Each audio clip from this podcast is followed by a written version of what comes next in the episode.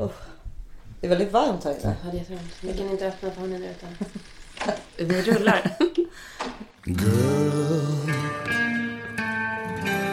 you'll be a woman soon. Hörni, välkomna till This is 40 med Karin Bastin och... Isabelle Monfrini. Ja. Eh, Karin.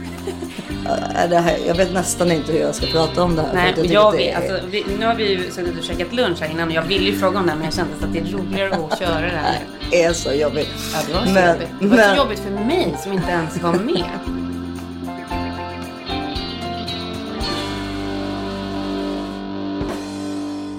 Det är ju en sak som är väldigt speciellt med att bo här. Ja. Och det är ju det här att man liksom bor granne med världskändisar. Ja. Eller liksom världskändisar, men liksom kändisar. Jo, det är absolut Jag menar, jag världskändisar. hade ju den här um, Gabriel Macht, han är i Suits och Jacinda Barrett, som hon som är med i Bloodline. De bodde ju i huset bredvid mig.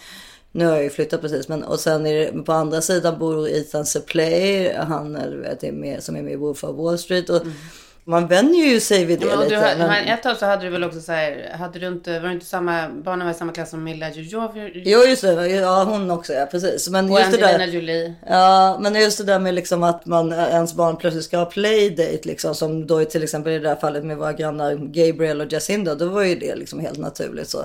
Ja, för ni blev ju kompisar. Ja, såklart.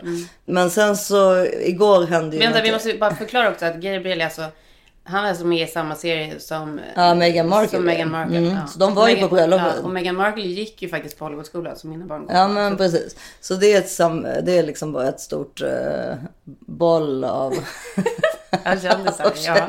Men, och Ja, det men, är ju man liksom... så ja men i morse när jag hade kört till skolan så körde jag ju förbi eh, Jack Black. Han har ju samma bil som vi har också. Ja. Så då blir det så här, då vinkar man till Ja, varandra. ja, det är klart man gör. Ja. Tesla-ägare vinkar Ja. till varandra. Man gör ju åtminstone en liten nick Ja. liksom. Men då var det ju så, nu, Selma då har ju mitt, mitt, min 12-åring, hon har ju då börjat umgås med en tjej som går i hennes skola. Hon är alltså Leonardo DiCaprios niece. Eller stepniece. Men hon, hennes pappa, hon bor inte med hennes pappa eller mamma. Selma verkar vara lite osäker på varför hon tror att det är för att de sitter i fängelse. Okej.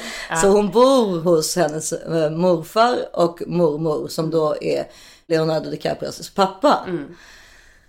Det är ändå en close connection vi har att Ja, göra med ja, alltså, det det är alltså liksom- barnet bor hemma hos Leonardo DiCaprios pappa. Ja, på- Det är inte bara med, med jag möter Lasse utan det är liksom en närmare. Det är inte en jag möter close Lasse. connection. Det är en av de absolut största. Ja, och också som vi liksom pratar ofta om. För vi, tycker, vi är fascinerade av Leo, Le, Leo som vi kallar honom. Älskar honom. Ja, men det är klart. Det är ju nästan hålpasset. Ja. Är det inte det? Jo, det är klart att det är Det måste få vara hålpasset. bara. absolut, Så är det bara. ja. Men hur som helst. Ja, och då så, så skulle Filip åka och hämta. Och eh, han hämtar och det hade varit så trevligt och de har pratat om Sverige och det var hitan och ditan. Och då alltså barnet, ditt barn varit hemma och lekt hos det här barnet Precis. som bor då hemma hos, Precis. det hos pappa. Och sen så ska de, då så frågade Selma om hon kunde sova över hemma hos Leonardos pappa Ja. på fredag.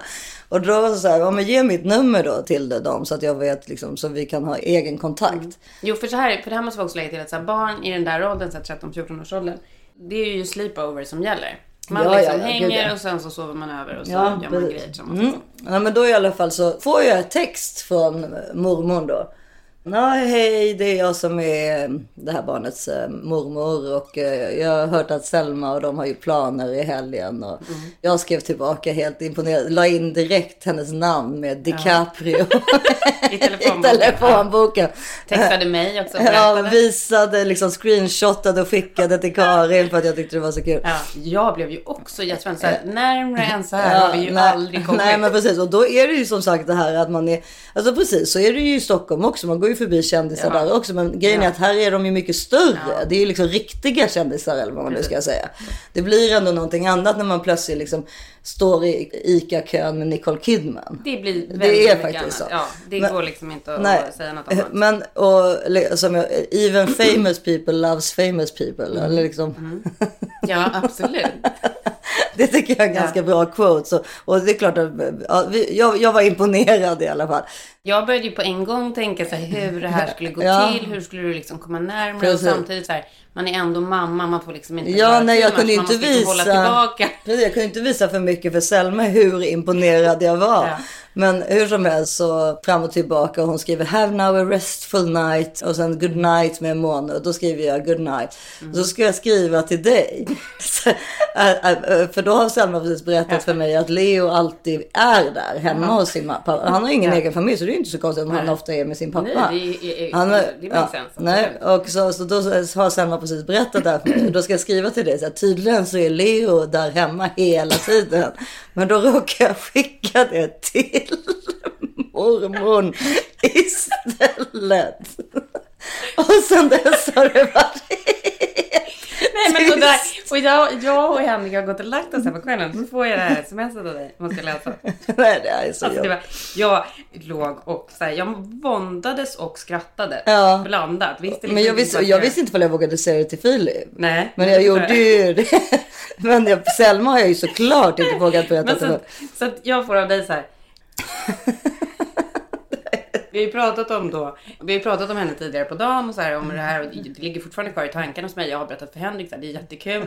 Det kommit en Nu kommer- connection till Nu kommer vi kunna Ja. äta lunch med Leo. Så får jag tänkt att redan bortgjord. För jag skrev till dig. Leo är tydligen alltid där men råkade skicka det till henne. Jag bara vänta, vad är det som har hänt? Skicka skärmdump, vad är det du har skrivit?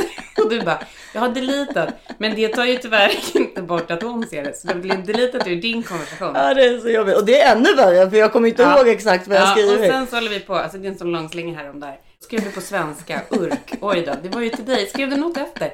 Nej, borde jag göra det? Typ sorry was supposed to go to someone else. Och jag bara, nej men då är det bättre att låtsas som ingenting kanske. Men Henrik Ja, hälsar att hon det. kommer köra Google Translate Ja, såklart. såklart. Ja, och inte bara det, det är så här, Alltså det är klart att de också varit med om det här förut för att det är magnituden Nej men på de den här ser människan. ju hen, hans namn i texten. Ja, det spelar ingen roll om det står på tyska eller serbokroatiska. Nej, det är ju namnet på deras Jag började jättekända tänka så här, barn. kan de tro att jag skriver någonting om ett stjärntecken? Ja. För men det, det lejon heter ju Leo. Ja. På, på. Nej men jag bara, men det kanske är bättre att säga något. Alla är ju ändå fans av Leo. Man kanske bara ska säga liksom att man skulle berätta det här för sin syrra typ eller någonting. Så bara, nej jag skiter i det. Så bestämde du i alla fall att jag skickar ändå någonting. Och du bara... Då tror du, då har du skickat texten där det står så här Sorry, text was going to someone else, don't believe you speak Swedish och så en skrattemoji efteråt. Så var du jättenöjd och du bara Ändå ganska bra, eller hur? Jag bara, jo. För, du, för då Jag hade hade du också... För då. Alltså, för då, tänk, för då sa du så här också. Eh, jag tror att det här är ganska bra för det verkar som hon har stängt av telefonen för det blir liksom inte visat som delivered. Det är ju bra för då får hon ju bägge de här meddelandena samtidigt. Jag bara, men förmodligen så har hon ju redan stängt av telefonen innan. Ja, för hon tänker att det här är en stalker som är på det här henne. är en stalker. Det är en Ja, varning. nej det var så hemskt. Eller det är fortfarande hemskt. Alltså det, det där, alltså herregud. Det, så, jag brukar ju inte, du gör ju alltid såna här misstag. Jag gör inte såna här Nej. misstag. Men det här har ju också med åldern att göra. Ja, precis. Våra det. barn skulle aldrig göra sånt här misstag. Nej, nej, för det är också så här. Vi har vuxit upp med Cobra-telefonen med liksom så här, man slår, man stoppar in fingret Ja. i en panel, man snurrar runt Ah, en siffra. Våra fingrar är liksom inte utvecklade för detta. Jag har gjort så himla mycket liksom felskickade Ja, sms. du gör ju det ofta. Ja, men, och jag har ju verkligen börjat alltså på, alltså jag har verkligen blivit så noggrann. Det händer ju trots, trots att jag blir noggrann så händer det ändå. Men jag ser alltid till att jag har så här.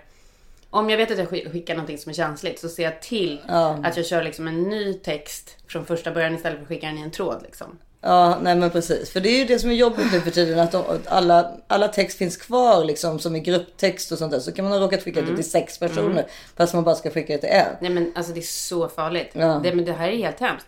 Jag började typ känna att man borde gå tillbaka till liksom den där, inte bara liksom en Nokia-telefon utan den gamla kobran. Som man tar med liksom- sig ut på stan. Ja men eller? för att det är också så här, för att då kunde man liksom inte, det kunde inte bli sådana här missförstånd. Vill man säga något, då ringde man ju personen. Ja, men hur som helst. Så går, går kvällen var ju inte, det var inte, jag har ju inte sovit jättebra i natt om man säger. Jag, hjärtklappningen var liksom total.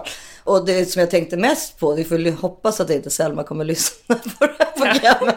Det var ju att jag hoppades att hon inte hade förlorat sin kompis som hon var så glad över. Så sorgligt. Ja, för att du vet att eh, Ja. de här föräldrar, eller det som är som hennes föräldrar då, eh, liksom säger, de, de där människorna kan du inte umgås med eller någonting. Nej, för jag började ju också googla de där människorna. Ja, nej men det, hon, hon var- är ju yogalärare och han är ju Ja. jättehippie. De Ja, är verkar alltså, ganska härliga. De verkar liksom. jättehärliga. Som jag förstod det så hade hon så här på gamla dagar eh, konverterat och blivit sikh. Ja. Eh, så det är väldigt så här, det är ändå väldigt speciella människor. Det stod verkligen så att de har en otroligt nära kontakt med honom. De kommer alltid till set och han hänger jättemycket med ja, pappan är skitcool. Man ser honom hela tiden gå med sina hundar och grejer. Långt svart Mm. Hår. What or who is the best teacher in your life? Who's my best teacher? My father. Yeah, I would definitely say my father. Can you elaborate on the relationship that you have with your dad? Oh, he's look. I came from humble beginnings. I went to public school, but I always had a loving, loving parents. Both of my parents were unbelievable, so I was incredible. Leos pappa har ju skilt sig Mm. med, med Leos mamma och gift om sig med den här kvinnan. Henne kan jag inte, har jag aldrig sett på riktigt. Men jag har hört att hon ska Nej, vara du bra. lär inte få höra så mycket mer Nej, eller? nej. Oh, God.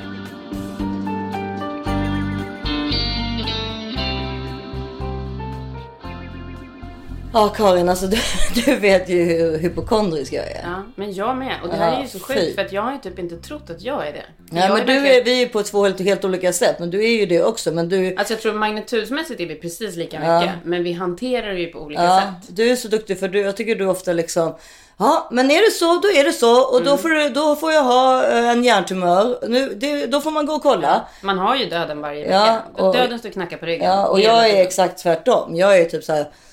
Gud, eh, har jag en hjärntumör? Nej, då går jag inte och kollar. Då, då får det vara så. Och så Ja. spinner jag omkring tills jag liksom... Ja, tills du drar ju ut på lidandet. Precis, och, det- och mm, som många säger, alltså i dagens läge så finns det ju så himla, alltså hittar man saker i tid så finns det ju ganska stor chans att man skulle klara sig. Så det bästa är ju verkligen att gå till doktorn. Mm. Ja. Men här blir man ju typ kallad en gång om året för att gå och göra sin physical. Ja. Och, det är ju, Och inte bara- då har jag ju ångest i veckor innan. Men och det är ju inte bara det utan det är också så här när man är på physical. Alltså jag har typ nästan aldrig varit på en physical och inte fått en remiss till någon uppföljning på någonting. För det. De är så otroligt rädda för att man skulle Ja, kunna ha någonting som precis. man sen skulle kunna bli stämd för. Ja. Så det gör ju att det här bygger väl på att man har en bra sjukförsäkring såklart. Ja. Men det känns ju som att man kanske är mer genomkollad än snittet. Ja, det tror jag absolut. Alltså ty- typ min mamma som är 75, hon bara, eh, eh, hon går aldrig till doktorn. Nej, själv har man typ gjort en hjärnröntgen Ja. en gång om Nej, året. nej, så att det där, men hon har ingen hypokondri i sig. Men det har ju då jag fått, fråga mig inte från vem. Men, och jag har alltid haft det sedan jag var väldigt liten. Men när jag fick så många barn, jag fick ju då fyra barn på sex år.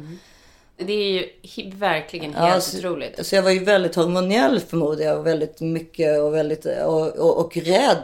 Det är kanske folk, i alla fall ni tjejer känner igen er med att man har ju de här hormonerna som gör att man liksom eh, man är så rädd att det, alltså man behövs så mycket. Mm. Att man skulle försvinna på något sätt. Så då blir ju döden ännu mer Ja, men det är ju den naturliga, läskig. det är ju den liksom. naturliga liksom, överlevnadsgrejen. Att man måste överleva för sina barns skull. Det gör Ja, och den det. är ju precis just i början, alltså djuris när man ammar och håller på. Liksom, att man, alltså, finns inte jag, då får inte det här barnet mat. Exakt. Vad kommer hända? Exakt.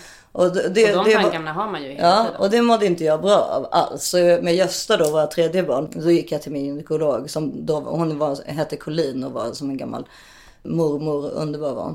Jag har också gått henne och klädd som, men hon är klädd som Magnum P.I. Ja, hon, är- kör ju liksom ja, ja, ja, varje exakt. skjorta. Ja, hawaiiskjorta och så Bermuda shorts. Ingen, ingen bh Vinter. och liksom skjortan uppknäppt. Ja, vinter som sommar, alltid samma kläder. Och så kommer hennes man in varje da- dag på den här mottagningen och ger henne lagad frukost. Det tycker jag är så Det är gulligt. så gulligt. Mm, hur som så helst. gulligt alltså. Då föreslog hon då att jag skulle börja med antidepressiva för att få bort min hypokondri. Hon, hon tyckte inte, du kan inte leva ett sånt här liv. Du har tre friska barn. Varje dag kan inte du gå omkring och vakna upp på nätterna eller vakna upp eller gå omkring hela dagen och tro att du ska dö inom en kvart. Självklart inte. Och jag visste inte ens att man kunde, alltså jag visste inte ens att antidepressiva kunde funka Men jag för har ju sånt. sagt det till dig. Det måste jag ju ha sagt. Jo, men du var ju med för min ångest och andra saker. För du har ju gått på antidepressiva mycket Forever. länge. Nej men Alltid. som 20-årsåldern. Ja men precis och jag, det har inte jag då. Så jag började ju då där för, vad blir det då, åtta år sedan. Och det har ju varit räddningen för mig med min hypokondri då framförallt. För jag är inte deprimerad, det är inte, det. Men jag har, har liksom då, man, man kan väl kalla det lite OCD då. Exakt, för det är ju det, vissa preparat, som de, det preparatet som vi går på, Zoloft, är ju både för så här depression Ja, precis. Men om du tittar och på den första. O, och så här OCD och att man liksom kan inte riktigt släppa saker. Nej, huvudet spinner omkring och sen till slut så har du då den här hjärntumören fast du liksom har varit ute och sprungit Mm. en mil och klarat det ganska bra. Och det har ju varit helt otroligt med de här sloften. Alltså, det är inte ett lyckopiller på något sätt. Men just det här att man liksom inte når, hjärnan når inte till det här värsta scenariot. Nej, utan man, för då har man plötsligt, det är som den, den gör att man börjar tänka logiskt. Jaha, nej men det kan jag ju inte ha för jag har ju inte haft ont i huvudet på Nej. sex månader. Eller man hittar ju på för sig själv. Mm. Eller jag hittade på för mig själv. Och det gör jag ju fortfarande för jag är fortfarande ganska hypokondrisk. Men, men eh, det i alla fall har, har varit en otrolig räddning för mig. De här Ja, det har ju varit en räddning för mig hela livet. Ja, men, det har det verkligen Men jag varit. måste säga så här, jag tycker också att det är så himla... Jag, ibland kan jag också tänka så här, det är inte ens ett stigma för att det är så himla naturligt för mig. Men det är ju ett stigma kring det. För att folk tror ju att det är någon jävla, ja men precis. Det är Ja, ett dåligt rykte att det är någon jävla lyckopiller. Ja. Det är inte det det handlar om. För en vanlig människa är det ett jävla vardagspiller som Ja. är det som ska liksom få Ja. vardagen att gå ihop. Ja men precis. Och det är inget konstigt, det är inget Nej. man liksom behöver må dåligt över. Verkligen inte. Eh, Jag hade, ju Tvärtom. verkligen, jag hade ju verkligen behövt börja på det så dessutom så mycket tidigare än vad jag gjorde.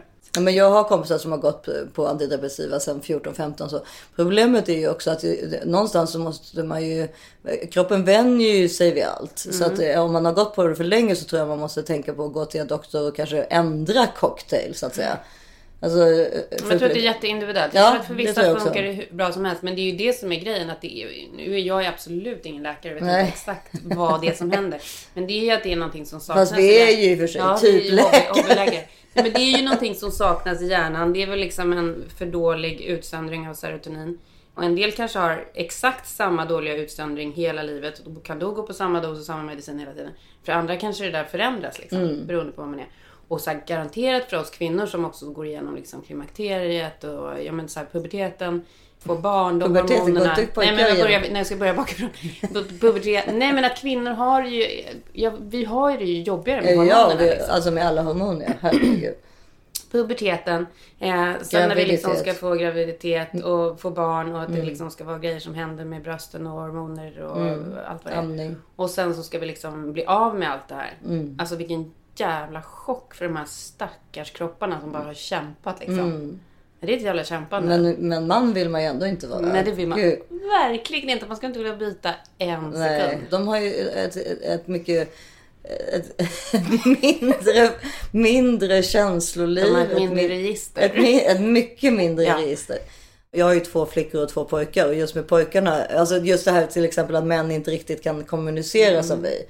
Att det är verkligen någonting som jag i alla fall försöker tänka på när jag uppfostrar Man de här. tränar ju, man tränar ju dem liksom Gud. hela tiden. Och det jobbiga är ju att de har ju mycket lättare till att Alltså nu generaliserar jag förstås. Det finns ju pojkaktiga flickor och flickaktiga Ja, pojkar Ja, såklart.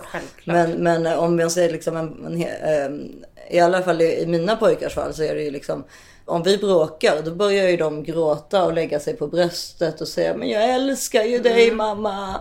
Olika för mina. Ja, och, men var på flickorna, alltid, alltså flickorna är ju mycket jobbigare att uppfostra för de ska ju tjafsa tillbaka och det ska kommuniceras Ja. och det ska hållas på. Det där måste komma ifrån alltså när vi verkligen, alltså det är en djurisk instinkt för att kvinnor visste att de inte hade musklerna. Så att de var tvungna att använda talet. Men det tror jag med. Så att Alltså, det bara, jag- de bara jag- kan alltså, det från första början. Ja, ja. Men det här tror jag är så här. Jag menar allting hos oss går ju att hitta tillbaka till varför det är så. Om man tittar Ja. på liksom begynnelsen. Killarna behövde ju bara använda sina muskler. Nej, så det, de behöver de, inte ja, det kommunicera. enda de skulle göra var liksom att skydda typ sina barn och sin fru och så springa ut och liksom fixa mat. Ja. Det är ju en grott person liksom. Ja, och det har inte försvunnit. De och då har vi, både du och jag, ändå ganska bra äktenskap. Ja. Ja. alltså, så att jag menar, eh, men ja, det, det är som det är helt enkelt. Med det hela. Ja. Apropå så här grottmänniskor. Jag kollade ju på, det här är ju snackis såklart säkert i alla poddar. The Goop Lab. Ja, Ja. det är, så- jag kollade faktiskt på det avsnittet igår du ville att jag Ja, skulle kolla men på det. nu, nu är det inte grotta. Jag ska prata nu om ett, det är inte det första avsnittet. Vi kan prata om alla avsnitten. Jag har Men- bara sett ett. Men Goop Lab i alla fall har ju då släppt en ny serie, jag tror att det är sex avsnitt som går på Netflix. Och det är ju då Gwyneth Paltrows eh, märke Goop som ligger bakom. When I started Goop in 2008, I was like, my calling is something else besides, you know, making out with Matt Damon on screen or whatever. And now it's this modern lifestyle brand. to me, it's all like laddering up to one thing, which is optimization of self. Like we're here one time, one life. Like how can we really like milk the shit out of this? You have a hundred needles in your face, Elise. Just another day at the office. the opportunity that we have with the Goop Lab is that as a company, we can go out in different groups and go on a much deeper dive into some of these topics that our readers are curious about. This is going to be my first experience with oh. mushrooms. You have to let go of your ego. So what happens in a workshop? Everyone gets off. What the fuck are you doing to people? De har ju fått köra ut jättemycket så här varningsgrejer också inför Mm. det här för att folk inte ska tro att det här är medicinsk vetenskap på riktigt. Mm. För det är inte det liksom. Utan det här är deras egna undersökningar. Nu har jag bara kommit ett par avsnitt in. Men de avsnitten har egentligen bara handlat om liksom alternativa terapimetoder för olika saker. Vilket jag tycker är så, här, så toppen. För det är Mm. jättebra att de liksom belyser att det finns massa olika typer av Mm. lösningar på olika problem. Det visar ju sig mer och mer. Folk mår extremt dåligt i den här världen. Det är väldigt mycket som jobbiga saker som händer. Det är oro och det är det ena efter det andra. Och just att kanske den här västländska medicinen som du hämtar ut på apotek kanske inte alltid är det bästa för alla. Nej, det, alltså det, det kan funka också jättebra. Lugnande eller vad, vad folk än nu vill ta. Men det första avsnittet som jag sett så handlar det ju om psykedeliska droger. Och hur det har blivit mer och mer vanligt att folk mikrodoserar det eller tar Men det. otroligt intressant för det finns ju då tydligen ett amerikanskt institut som, eh, alltså de verkar få statliga, Ja, statliga de- medel för att göra den här researchen. Ja. Där de behandlar liksom behandlar folk med liksom svår ångest och depression eller sån här posttraumatisk stressyndrom med allt från precis. MDMA, vilket är typ Ja. ecstasy, till eh, svamp svampar. och weed, alltså marijuana. Men, och det är det som har- just här, typ Sanjay Gupta till exempel på CNN, alltså deras medicinska korre där. Han har ju ofta sagt att droger måste legaliseras för att man ska kunna göra en Alltså för att man verkligen ska kunna researcha vad som funkar och inte. Med Mariana till exempel så har det ju, alltså nu har ju det blivit legaliserat i väldigt många stater i Amerika. Så då har man kunnat börja använda sig av riktig forskning. Men alltså som medicin Svamp är ju också ja. ö- legaliserat i Ja. typ tre eller fyra stater. Ja, okej. Ja, men Mariana behöver ju knappt ens ifrågasätta tycker jag. Det har ju folk använt som medicin hur länge som helst. Jo men det finns ju nu- större saker. De har verkar ha hittat till exempel att det äter upp proteinet som gör att man får Alzheimers. Så det tycker jag är väldigt intressant. Och framförallt eftersom Alzheimers är man ju väldigt rädd för såklart. Ja, alltså det är man ju helt livrädd för. Alltså- det, det var en grej som jag till och med... Idag var jag på en ansiktsbehandling som eh, jag inte varit på jättelänge faktiskt. Så vad jag gjorde det. Så låg jag där under den här behandlingen och tänkte på massa olika saker. Och sen, det var ett sånt jävla virvar av Ja. olika tankar. Och sen bara, men jaha den här tanken var jag inte klar med. Och, sen, och just en av de tankarna Det är jag låg så och man tänkte har innan på, man ska somna också. Just Hemskt. en av de tankarna jag låg och tänkte på var så här, men herregud mitt minne. Vad är Ja. det med mitt minne? Borde jag gå och undersöka det? Men då kanske Kan man lös- undersöka det? Ja, det är klart man kan. När Hur du börjar då? misstänka att du Ja, men du har kan ju inte Alzheimer all- eller något, ja, ja. Så då gör de ju en grundlig Ja det förstår jag. Men, det, Men- jag tror inte du skulle, de skulle inte gå med på att Nej, du skulle men- göra det. Men nu kanske då lösningen är att jag bara ska börja röka lite mer cannabis. Ja, kanske faktiskt. Jag är ju så här, jag är helt pro cannabis och jag tycker så här, det är upp till var och en. Sen tycker inte jag att så här, unga människor ska sitta och röka på och bli hur höga som helst och inte ha koll på saker och ting. Men jag tycker så här, det sätt som är i den amerikanska kulturen att man tar en Ett joint blås. och, En och delar, joint, nej, men delar, ja. tar ett par blås efter en middag. Inga problem med överhuvudtaget. Nej, jag tycker också det är trevligt. Jag önskar, alltså jag kan bli lite paranoid av weed. Men, men jag vill liksom kunna röka mera. Men då blir det jobbigt för dig nu när du ska flytta till Ja, Sverige. jag vet. när du ska Fast jag har, jag har hört, jag träffade en kille i Sverige som faktiskt fick, han, jag vet inte hur han gjorde, jag frågar mig inte, jag kan inte det där. Men han, hans, hans pappa var sjuk, eh, typ 86 år gammal. Och han köpte sådana vape-pennor till honom. Och Jo, sa men- till pappan att det var bara CBD i fast Ja. det var THC Ja. också.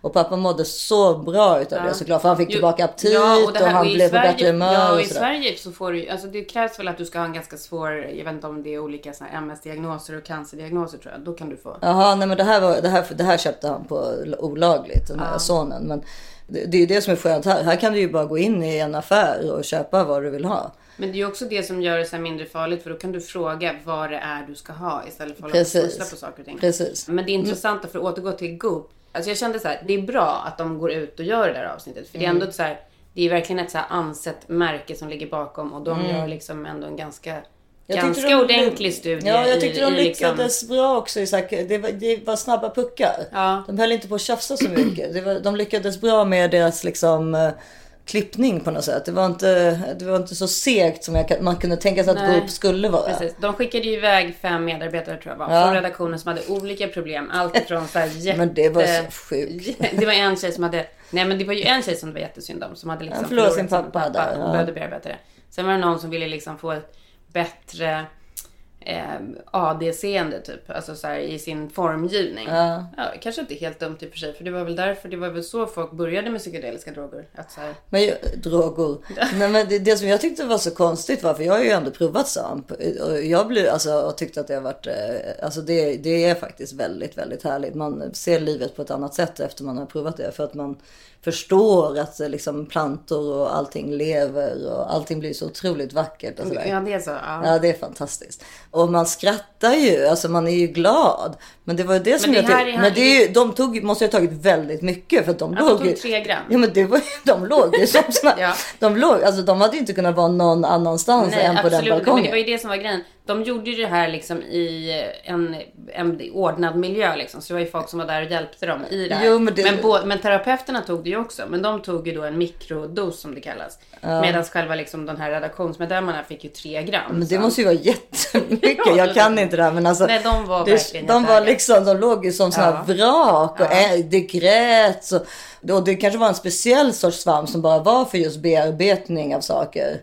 Men det intressanta är ju studien i sig och sen de här olika fallen som man fick, man fick ta del av så här case studies. Bland annat var det ju en kille som hade svårt posttraumatiskt stresssyndrom från att ha varit i kriget och nästan blivit sprängd av en mina. Och han försökte ju ta livet av sig varje dag i Åtta princip. gånger. Och, Ja. ja. Han mådde så fruktansvärt dåligt, kunde verkligen inte leva. Fick en behandling, jag vet inte om det, det var, var MDMA. eller MDMA. Nej, det var MDMA. Det var Eh, Molly och eller kunde efter det liksom leva ett vanligt liv. Så när han går, har ju gått på det nu i åtta år. Mm. Mikrodoserat då Molly eller ecstasy. Jag vet inte riktigt vad MD, MDMA Men vad är. men- mikrodosering då? Det känns ju också som ett så här poppis i liksom eh, ord som folk slänger sig med nu. Det betyder Ja. alltså att man tar någon av de här drogerna i så otroligt små doser hela tiden. Så man går inte runt och är hög. Jag tror just liksom- att det inte är hela tiden. Man tar en väldigt liten dos typ var tredje dag. Det är inte ens så att man tar det flera alltså, Det finns ju säkert sådana som gör det också. Som tar väldigt lite hela tiden, hela, hela dagarna. Ja, för det var det här andra fallet med Men- den här tjejen som också försökte ta livet av sig. Hon körde ju det där i någon smoothie varje dag. Ja, just det. Det Svamp. gjorde hon ja. Hon körde det. svamp. Ja, precis. Men den- kunde ju ha ett vanligt jobb och såg ju absolut inte liksom högt eller någonting. Nej. det här var liksom hennes sätt att leva precis på samma sätt som vi då skulle ta vårat antidepressiva piller. Ja, men precis. Och jag menar, det finns ju väldigt lite det är klart att forskning utvecklingen på... går framåt. Men även på hända saker. antidepressiva finns det ju väldigt lite forskning. Ja. Alltså för, för att folk har ju inte... ha- Det Prozac var väl den första och det är väl 40 år sedan nu. Så det har ju bara funnits i 40 år. Det finns väldigt lång, liten långsiktig forskning på det. Precis. Och det är väl det som då som man själv skulle i så fall fråga sig själv det man vill ta det på grund av det. Men i vårt fall är det inte... Alltså vi... Vi skulle inte vara bra föräldrar eller bra, vi- bra vänner. Alltså, eller bra, vi skulle ju må för dåligt för att inte ta det. Men, eller så kanske vi ska börja mikrodosera svamp. Ja. Jag är med på det. Alltså. Ja men alltså så här, jag tror att det är sjukt viktigt att vara open-minded och det var det jag ville säga om den här Goop-dokumentären. Ja, på något sätt. Mm. så öppnar den upp för att man ska vara open-minded. Sen tycker jag liksom att eh, det avsnittet som var efter om den här isbadsgubben. Ja, jag har inte sett läst jättemycket om förut också. Mm, Ja, absolut. Det är väl jättebra att ta en kalldusch varje dag liksom. Ja. Jag har kompisar som, i Sverige som... Ja, din kompis Ebba Ja, gör det väl? hon, hon gör det typ varje helg eller om det är varje dag. Jag vet inte. Men hon säger att hon mår så bra Ja, men det tror jag också. Och så här, ställa sig i en iskall dusch, det är klart att liksom Nej, hon, åker, hon går in i vattnet. Ja. Alltså, alltså hon badar. Mm. Alltså alla så här, alla grejer som kan få en att må bra är ju Mm. jättebra. Men det jag vill säga med Goop då är att det känns ju som att det också är för en liten massa. Det de liksom... Ja, men det är väl klart. Och också Men folk det, som... är kul alltså, att det det, är det är kul att det är där, att folk kan titta på det där med kanske andra nya öppna ögon. För det är ju trots allt så att utvecklingen går ju framåt. Det är klart att det kommer hända saker. Att vissa, vissa grejer som idag anses vara droger kommer ju såklart vara mediciner. Om, Mm. Precis om som ett det var år, för liksom. 30 år sedan. Ja. Självklart, det säger sig självt. Och så handlar det ju om att liksom, det måste doseras på rätt sätt. Mm. Du kan ju inte äta liksom tre gram svamp Nej. och sen gå ut och gå till ditt Uppenbarligen jobb. inte. Det är ju inte liksom så det går till. Nej. Det syntes också på Ja. de som låg där på balkongen. För det- de, hade, de kunde inte röra sig. Men och det var ju faktiskt också ganska kul för att eh, Gwyneth själv Mm. berättade ju också att hon hade tagit MDMA med sin nuvarande kille. I never thought of MDMA as a psychedelic. And um, when I took it, I didn't hallucinate. Like it wasn't a rave. You know, it was actually very, very emotional. And um, I was with my then boyfriend, who's now my husband, and he's a very empathetic, very profoundly wise person, and he was able to sort of help me through it. But it does it does make me think like there's so much to unearth if I did it, you know, like In a therapeutic setting. Och den här killen är också, jag är så fascinerad av den här relationen. Han är ju liksom, varenda tv-program jag sätter på så står ju han som exekutiv Mm. producent. De är serbos va? Ja det vet jag inte men hon verkar Jo. så otroligt kär i honom och han är så otroligt kär i henne. Jag tror de är serbos. De bor bara med varandra på helgerna. Han har inga egna barn kanske. Jo, jag tror han hade också. Ja, jag, jag vet inte. Men det, det kan vi... De tog i alla fall ledigt och åkte till Mexiko och tog MDMA. Ja. Och det de verkar ju ändå vara ganska lyckade människor liksom. Ja. Nej, men alla får väl tycka och göra som de vill. Men, men jag tycker man ska vara så open-minded om hur folk vill leva som möjligt. Liksom. Ja, ja, och det är ju också en grej som verkligen kommer med åldern. Alltså, människor ju äldre man blir förstår att det är olika för de flesta människorna. I alla fall om man själv har levt ganska öppet. Har man levt liksom ett och samma liv eh, lite inslutet så är det ju såklart kanske inte så. Eh, men jag tror att det är otroligt viktigt, eller det är, det är klart att det är. Det är inte bara att man tror att det är viktigt. Det är jätteviktigt att vara förstående inför att det ser helt olika ut i allas huvuden. Alltså bara som den här gamla filmen i, i huvudet på John Malkovich. Kommer du ihåg den? Ja, den är härlig. Det kommer jag ihåg att det var en head opener för Mm. mig. Typ vid, vad kan det ha varit, vid 25. eh, när man verkligen började tänka på så här. Det är klart att det är helt olika på olika personer. En, Men det en väl- människas sanning är ju en helt annan sak. Nej, och kanske till och med ens egen sanning är inte sann. Ja. Alltså det är ju det som är så. Och det, tror jag, alltså det måste man också förstå. Att bara för att jag har sett saker på något sätt, på ett sätt som jag tror att det här har hänt, så behöver inte det betyda att det är sanningen. Nej, vi har ju varit med om precis samma sak men har en helt Precis. skild uppfattning Ja. det. Här är ju du och jag experter på. Ja. Ja, det är så roligt alltså.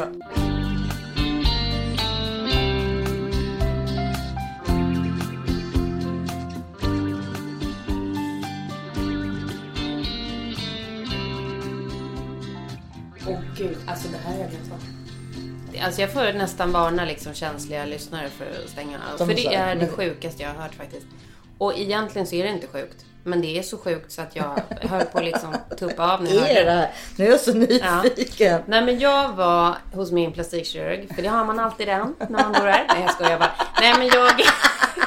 Nej men jag har ju, det berättade jag ju förra Inte avsnittet. man, men du har det i alla fall. Nej men jag berättade ju det förra avsnittet. Jag gjorde ju en sån här revision av mina kejsarsnittsärr. En liten mini tummy tuck då.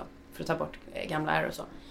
Ja, så var jag hos den här plastikkirurgen förra veckan för att kolla hur det där såg ut och så skulle hon lasra, för det gör man ju på. Ja, men det vet faktiskt inte alla om, men det är en jättebra grej att göra på ärr. Ja, men då kan du inte säga det gör man på R. Utan Nej, du men jag säger kan, här så, ja, jag kan har man det det. som... Jag kan tipsa om det. Om ni inte vet om det så är det liksom det bästa man kan göra för att få bort eh, ett ärr. Mm. För att det inte ska synas liksom. Det går inte bort helt men det blir, syns mindre. Då i alla fall. Det är en kvinnlig plastikkirurg. Hon är så spännande och rolig. Och Hon är, vad kan hon vara, 55. Det är ganska ovanligt med kvinnliga plastikkirurger här i alla fall. Jag vet att i Sverige finns det en hel del. Här är det inte så jättevanligt. Och hon är också så här, ser rätt naturlig ut. Hon har ju såklart gjort massa saker själv men känns så här. Det känns som en så här bra kvinna som man kan prata om kvinnogrejer med liksom. Och därför var jag så förvånad över detta. Så i alla fall så håller, frå- frågar hon mig eh, vad jag har för helgplaner och jag berättar vad vi ska göra. Jag kommer, nu kommer jag inte ens ihåg vad vi gjorde. Ja, vi var hos Mona i lördags. så. Tillbaka till minnet. Jag kommer aldrig ihåg vad jag har gjort. Nej, jag kommer ihåg att vi var hos Mona. Ja, så frågar jag, och du då? Vad ska du göra? För nu har vi haft ganska mycket kontakt efter den här operationen. Så det är ändå så att vi pratar lite som kompisar. Hon bara, ja. Nej, men alltså det blir liksom en ganska vanlig helg. Fast jag ska och för sig göra en jäkligt kul grej. Jag ska ju åka på, äh, ja men det är ju så här, man blir inbjuden till olika så här plastic conventions. Eh, plastikmässor som, när man är kirurg liksom. Jag bara, ja, ja men vad kul liksom. Hon bara, men det, alltså i vanliga fall brukar jag tycka att det här är så tråkigt. Men den här ser jag så mycket fram emot och den här ser liksom hela branschen fram emot. Jag bara, ja varför då liksom? Jag bara, vad är det latest liksom? Vad ska man göra för någonting? Vad har du för tips? Hon bara, nej men det handlar inte om det. Utan det handlar om att de har ett cadaver lab. Jag bara, vad cadaver lab? Vad är det för någonting? Hon bara, nej men då får man ju varsitt huvud som man kan eh, göra olika, testa olika tekniker på. Jag bara, nu kan du inte på Ett riktigt. lik alltså? Ja. Alltså, Ett jag- riktigt lik? Så att jag bara, Men hur länge har liket nej, varit dött? men då står jag där och jag bara, men nej men det kan inte vara sant. Hon bara, men vad tror du? Det är väl klart att läkare, precis som läkare, det är klart att vi måste liksom prova våra saker på någonting. Det är ju klart att, så här, att vi behöver någonting att, att testa på. Man sitter ju inte och testar på råttor. när man ska göra en filler eller en botox eller göra ett lyft. Men du, men har de här människorna bara- då sagt när de har dött att det är okej att ni testar på mig? De har väl då anmält sig till donationsregistret. Ja men donation borde ju gå till Ja men det är ju eh, det som är grejen. Det människor. ska man ju tänka på när man signar upp för donationsregistret. Att, Att man ska... kan råka få henne att hålla på Man kan på det. råka bli ett huvud på en plastic convention. jo, jo, Det kan jo, det inte kan vara man sant. visst. Jag bara, det här är det sjukaste. Hur kommer de här huvudena till Las Vegas? Var ska ni vara någonstans? Hon Och hur bara, länge har de varit döda? "Nej, Var ska ni vara någonstans? Och hon bara, nej men vi brukar, jag tror att det är på MGM Hotel. Jag bara, på riktigt så är det massa huvuden inne på hotellet. Och hon bara, ja det här är ju en väldigt populär convention så det är ju ganska många. Och då har de så olika, olika rum för olika saker. Så då är det så här, det är olika föreläsningar överallt. Och sen så är det då The Cadaver Lab som är liksom ett jättestort konferensrum. Och du vet som en så här bålhål liksom. Med långbord. Där det står huvuden som, du vet som så här sminkhuvuden man hade när man var liten. Först så kände jag ju att det var helt vedervärdigt och jag tänkte så här, du kan inte vara min kompis längre. Sen tänkte jag att, jo men absolut, det makes sense. Det är väl klart att, så här, det är klart att de måste testa på någonting. Ja. Hur ska det annars gå till? Annars blir det ju som han Macchiarinis Ja. halsstrupa. Ja, nej, men exakt. Ja, hur ska det annars gå till? Det är väl klart att det måste liksom, allting medicinskt måste ju Ja, testas. så är det ju verkligen. Men det är ju det där att man tycker att plastikkirurgi är liksom ytligt. Ja. Det hade ju varit en annan sak att säga, ja men nu måste vi testa de här huvudena för Alzheimers. Ja. Då hade man ju tyckt att, åh Ja. gud vad bra att Ja. folk donerar sina organ. Ja. Men när det är för att kolla ifall liksom det senaste lyftet funkar så blir det Det ju, det, det låter ju inte lika trevligt. Men det, alltså det är fruktansvärt. Men det är var självklart att de det var måste inte ha, jag förstår Det var att ju inte det- dyrt heller. Vadå, du betalar för ditt huvud? Ja, för du betalar ju då en extra summa. För, du betal, för att vara med på en sån här convention så betalar du liksom en Ja, summa ja, det på förstår 500 jag. dollar kanske. Mm. Hur mycket kostar Sen får du huvudet? ju, och jag bara herregud. Alltså det var så mycket frågor i mitt huvud och jag ställde ju så mycket Om ditt frågor. huvud? Nej men, jag, nej men jag hade så mycket frågor. Jag bara, men det här måste ju, alltså känns det inte jätteobehagligt att göra det här? Hon bara, nej men jag är läkare liksom. Hon gör ju så här andra rekonstruktioner och grejer. Så det är inte så att hon bara är Nej. liksom en ytlig plastikkirurg. Hon verkar ju göra väldigt mycket eh, lite charity work. Ja, eller? jättemycket så här Mm. pro bono folk som har fått operera bröst och ta bort bröst och sånt. Men och då i alla fall så blev jag också så chockad över priset på det här huvudet. Mm, vad kostar det? Typ tusen dollar. För tusen dollar fick du ett huvud. Alltså förstår du hur? Vem får de där tusen Nej men alltså, det, ja det är så mycket grejer i det här som jag tycker är så obehagligt. Tänk om man skulle stå där och känna igen huvudet. Ja, det.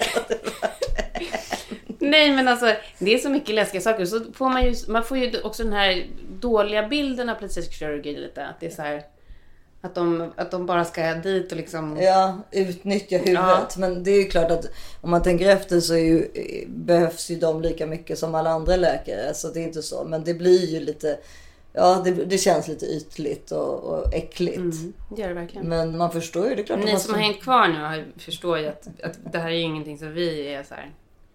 Jag vet inte vad... Ja, vi är inte plastikkirurger. Nej. Vi skulle aldrig göra det här på ett huvud. Hade vi fått varsitt huvud, vad Ja, hade vi vi gjort inte gjort det? så. Nej, jag hade absolut inte gjort så. Nej, för det känns inte värdigt liksom. Nej. Ja, Det var news i alla fall. ja herregud. Aldrig någonsin tänkt en sån Nej, tanke. nej. Aldrig någonsin tänkt att det är så här det går till. Nej. Bara, säger man då så här trevlig lunch eller trevlig middag nu eller vad folk ska göra? Men de är ju kirurger. Ja. Du vet, de tycker ingenting är konstigt eller äckligt Nej. eller någonting. Alltså läkare är ju helt, alltså att de bara kan plötsligt skära i en Ja. människa och hålla på. Ja, det är ju sjukt. Det är ju liksom, Det är fantastiskt och det är ju sjukt. ja, det det, är liksom, det är har man inte det helst. i sig Nej. så kan man inte förstå. Nej, jag har det inte i mig. Nej, jag hade inte jag kan, jag kan inte förstå. Alltså, jag, jag har ju alltid haft en närt en dröm om att jag skulle vilja bli sjuksköterska. Men samtidigt så är det ju liksom så här, alltså bara typ så här, ge en spruta till en person. Mm. Jag tycka- svimmar ju av sprutor. Ja, men jag är inte rädd för sprutor. Men bara tänka mig att jag ska liksom eh, spruta en, en människa i armen. Det känns läskigt. Nej men jag- alltså det är jätteobehagligt. Jag, jag har ju sprutskräck, jag har alltid haft det. Jag har ju svimmat, jag vet inte hur många gånger jag har svimmat när jag har tagit Ja, en men liksom, jag, ett blodprov eller Ja. någonting. Alltså det bara svartnar för ögonen. Det är inte så att jag skakar innan eller någonting utan det är bara så här, okej nu svimmar jag. Eh, och när jag höll på med liksom IVF-behandling skulle jag ha på spruta i magen. Ja, nej men det. Det var ju varenda gång bara, Ja. okej, andas in, Ja. andas ut. Okej nu gör jag det, ska jag svimma nu? Ja, du har varit duktig alltså. Du har kämpat på. Vi kan prata mer om det en annan gång. Apropå också på, vad heter hon som faktiskt var så himla modig och visat upp liksom. eh, Ja, ja, ja. Ehm, Amy Schumer. Ja. Ja. Mm. Henne vill man ju verkligen prata om. Ja, men det kan, precis. För det, det, det tar vi nästa vecka. IVF och Amy Schumer och att våga, våga stå för att det inte alltid är så lätt att få barn. Det tycker jag man pratar för lite om. Verkligen. Men, och vi har skaffat ett Instagramkonto. Oh, har vi? Du, Ja, du det har du fixat. Ja, har det, det hade, det, du, så modern är du i alla fall. Ja, vi, och din man tyckte att vi på en gång också skulle regga This is 50. Och då sa Henrik absolut, kör This is 60 också. För att tiden går fort. Men det här kontot som vi har nu heter This is 40 och det är alltså This is och så är det 40 och så är det podd med 2D. Så This is 40 podd.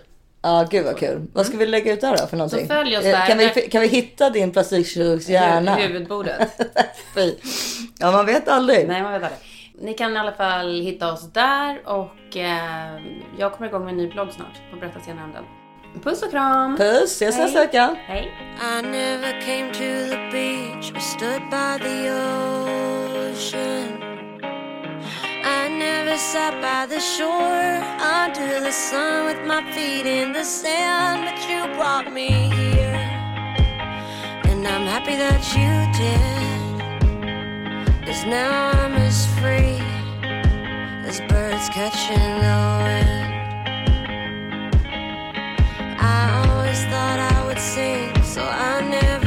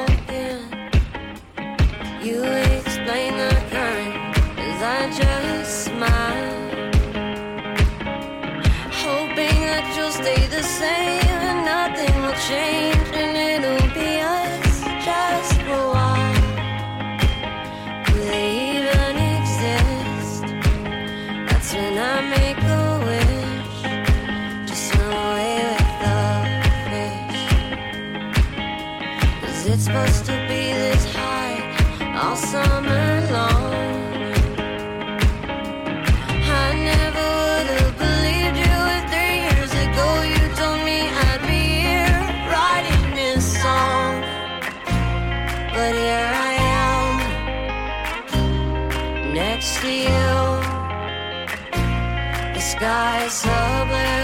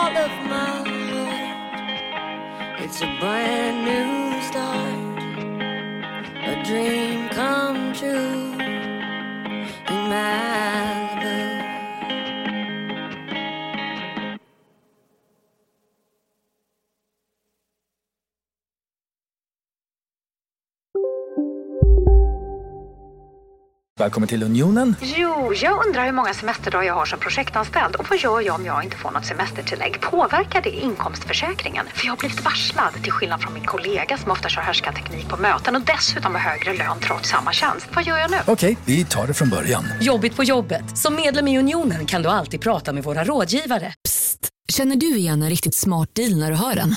Fyra säckar plantjord för 100 kronor. Byggmax. Var smart. Handla billigt.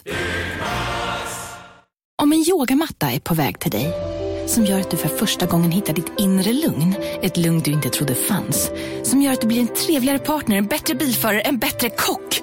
Du blir befordrad på jobbet men tackar nej, för att du inte längre drivs av prestation utan vill göra saker som känns meningsfulla i livet. Och, ja, eller ja, då finns det flera smarta sätt att beställa hem din yogamatta på.